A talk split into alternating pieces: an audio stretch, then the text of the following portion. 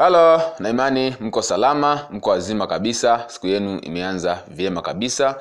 Bila kupoteza muda moja kwa moja nataka nishie na wewe kitu kimoja ambacho ni muhimu sana kwenye kuuza bidhaa ama huduma yako.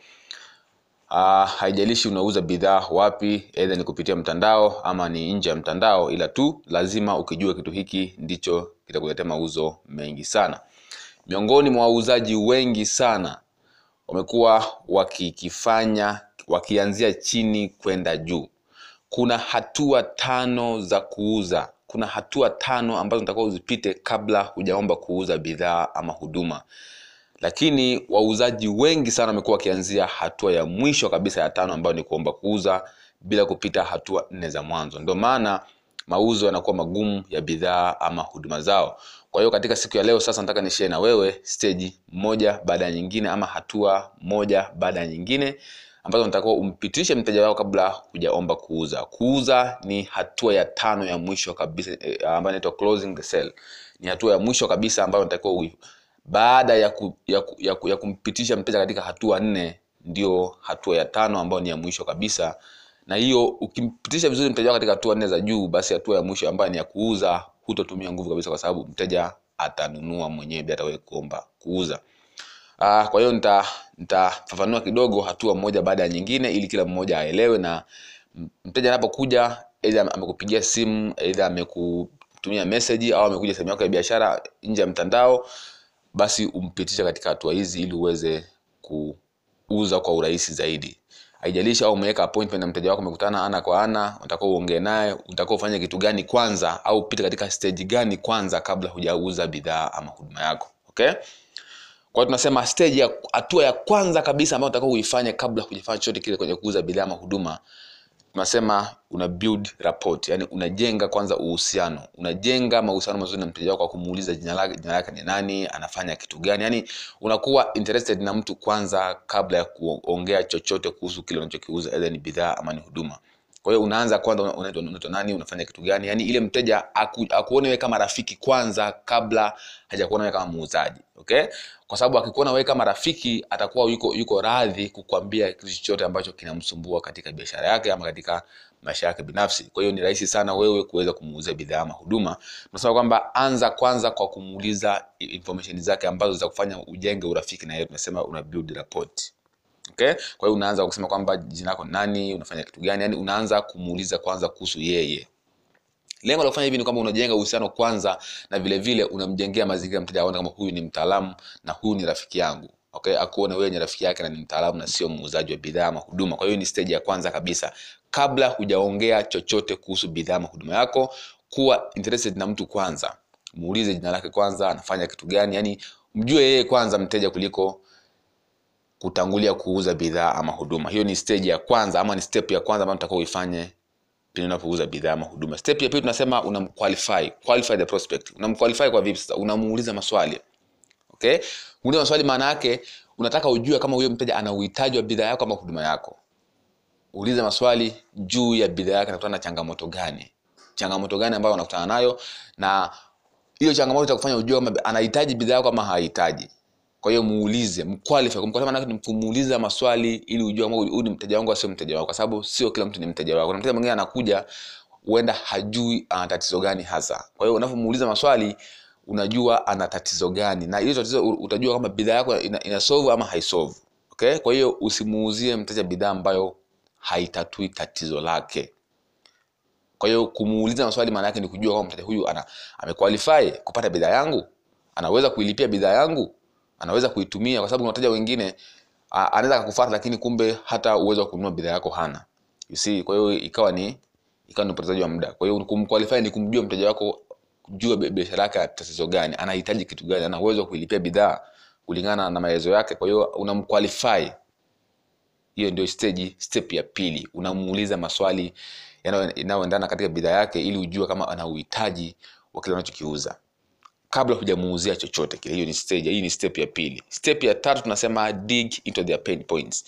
Sasa kumuuliza maswali maana yake unataka uchimbe ili ujue ana tatizo gani. Jua ni kitu gani kinamnyima mteja usingizi usiku ni kitu gani ambacho anatafuta suluhisho kwa nguvu zaidi kuliko kitu chochote kile? Kwa hiyo kumuuliza maswali ndio utajua mteja huyu ana uhitaji gani wa nguvu hasa. Sasa kwenye hicho kitu ambacho umesha- umeshajua. Ukishajua mteja anahitaji kitu gani ni rahisi sana kuweza kuposition bidhaa ama huduma yako kama usuluhisho wa hilo tatizo. Kwa hiyo kabla ya kuanza kuhusu bidhaa yako kwanza utakuwa pita kwenye hizi hatua kwanza. Hatua hii ya tatu ni muhimu sana ya kudig into their pain point. Utakuwa ujue kwamba ana ni kitu gani ambacho kinamsumbua zaidi huyu mteja wangu. Ili baadaye kabisa unapokuja kuongea kuhusu bidhaa yako uongelee jinsi bidhaa itakavyotatua hilo tatizo ambalo tayari umeshalijua ambayo yeye ndio amekwambia sio wewe uanze kupresent bidhaa kabla hajakwambia chochote kile. Na moja ya mistake watu ambao wanaifanya ni wengi ni kwamba anaanza kuongea kuhusu bidhaa kabla hata hajajua chochote kutoka kwa mteja. Na hiyo ni tatizo. Kwa sababu gani? Kwa sababu utakuwa unamwambia una- vitu ambavyo havihitaji. Ila ukishapata nafasi ya kujua anasumbuliwa na kitu gani anahitaji kitu gani hasa ni rahisi sana kuframe bidhaa yako juu ya kile kitu ambacho mteja anakihitaji tu. Wateja wanapenda kusikia vitu ambavyo yeye amekwambia ana uhitaji nacho kwa hiyo maana unakuta unaongea vitu vingi lakini mteja anakwambia hapana sihitaji bidhaa. Ni kwa sababu tu hujagusa kitu ambacho anakihitaji ukisikia ila ukimruhusu akwambie anahitaji kitu gani na ukaposition uka, uka bidhaa yako au huduma yako pale pale jinsi alivyokwambia hawezi acha kununua bidhaa kwa sababu hakuna mtu ambaye anakataa maneno ambayo ameongea mwenyewe. Okay? Kwa hiyo jitahidi sana kujua mteja ni kitu gani ambacho kinamnyima usingizi kitu gani kinamnyima raha anataka atatue tatizo gani hasa kabla hujauza bidhaa ama huduma yako kwa hiyo ni stage ya tatu ni muhimu sana. Tunasema dig into the point. Unachimba ili kujua ana tatizo gani. Tunasema una, unagundua hot button. Hot button maana yake ni tatizo kubwa ambalo linamnyima usingizi mteja wako na lililomfanya aje kwako kuuliza juu ya bidhaa ama huduma. Kwa hiyo ni step ya tatu. Step ni tunasema una, una help them visualize their goals. Yani unamsaidia mteja ku, ku, ku, ku, kujenga picha juu ya malengo yake baada ya kutumia bidhaa yako okay? Yani unamjengea una mazingira ajue kwamba ta, ta, tayari kashatatua tatizo lake kwa kutumia bidhaa yako. Kwa kwanza kumwambia vitu ambavyo tayari bidhaa yako itatatua na jinsi atakavyotatua tatizo lake kwa kumjengea picha kichwani kwamba ni jinsi gani bidhaa itatatua ita, ita ita tatizo lake na atasolve tatizo lake bila wasiwasi wasi kabisa. Akisha akishajiona tayari amesha ameshatoka hatua a kwenda hatua b kwa kutumia bidhaa yako basi tayari inakuwa kuuza ni rahisi sana kwa hiyo ni rahisi sana kujua mteja wako yuko sehemu gani nataka aende sehemu gani. Ukishajua sehemu anakotaka kwenda tayari itakuwa rahisi kumjengea picha ya kule anakotaka kufika. Ili kufika kule mpaka atumie bidhaa yako you see? Kwa hiyo ni rahisi sana kuweza kumtengenezea mazingira kwamba njia pekee ya kufika hapo unakotaka kutoka a kwenda b katikati lazima utumie bidhaa yangu. Kwa sababu bidhaa ina hiki na hiki na hiki ambayo kitakufikisha hapa. Kwa hiyo ni rahisi sana ukimjengea picha mteja wako anaotaka kwenda inakuwa rahisi kujua jinsi itakavyomsaidia kwa hiyo ni stage ya nne. Step ya nne ambayo ni ya muhimu sana. Kwa hiyo step ya nne step ya tano na ya mwisho sasa ndio sasa unakuja ku, ku, kuomba kuuza bidhaa ama huduma tayari umeshampitisha katika hatua nne za mwanzo. Okay? Lakini siri ya kuuza ambayo nimejifunza kwa miaka yote katika kufanya kazi kufundisha kusoma nimejifunza siri moja tu ya kuuza. Ambayo ndio siri ambayo ukiitumia na kuifata basi itakusaidia kuuza kila kitu. Kuuza chochote haijalishi unauza kitu gani. Siri hiyo ni kwamba mteja anapokuja katika biashara yako aidha amekuja ana kwa ana au umeweka appointment naye ama amekupigia simu ama amekutumia message, fokasi yako kubwa hamishia kwake. Sahau kabisa kwanza kuhusu kile ambacho unakiuza. Fokasi yake hamishia kwake kwanza. Kuwa interested na mtu. Kuwa interested na yeye kwanza. Ukishaona hivyo ni kwamba moja kwa moja mteja anakuamini cha kwamba haupo kwa ajili ya kumuuzia bidhaa kwa ajili ya kumsaidia. Then baada ya hapo muulize maswali. Kumuuliza maswali maana yake unamfanya mteja akwambie kabisa anahitaji kitu gani akwambie exactly anahitaji kitu gani. Baada ya kujua hicho kuuza inakuwa ni rahisi mno. Hutouza hata in fact kwa sababu tayari kashakwambia anahitaji kitu gani anauhitaji kitu gani. Okay? Kwa hiyo kuwa interested na mtu kwanza. Baada ya hapo sasa kuuza kitakuwa ni, ni, ni kitu cha cha kawaida sana. Hutotumia hata nguvu kwa sababu tayari umeshajua anahitaji kitu gani na umesha- umeshamsikiliza. Kwa hiyo ni, ni kitendo cha kuomba tu kuuza basi. Kwa hiyo tumia mbinu hii itakusaidia sana. Mpitishe mteja katika stage hizo tano katika hatua hizo tano kabla hujauza.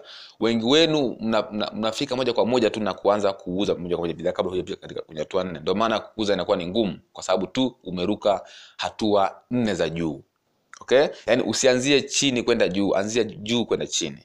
Anzia kwenye kumjua mteja kwanza kabla hujamuuzia bidhaa ama huduma yako. Kuuza inakuwa rahisi mno.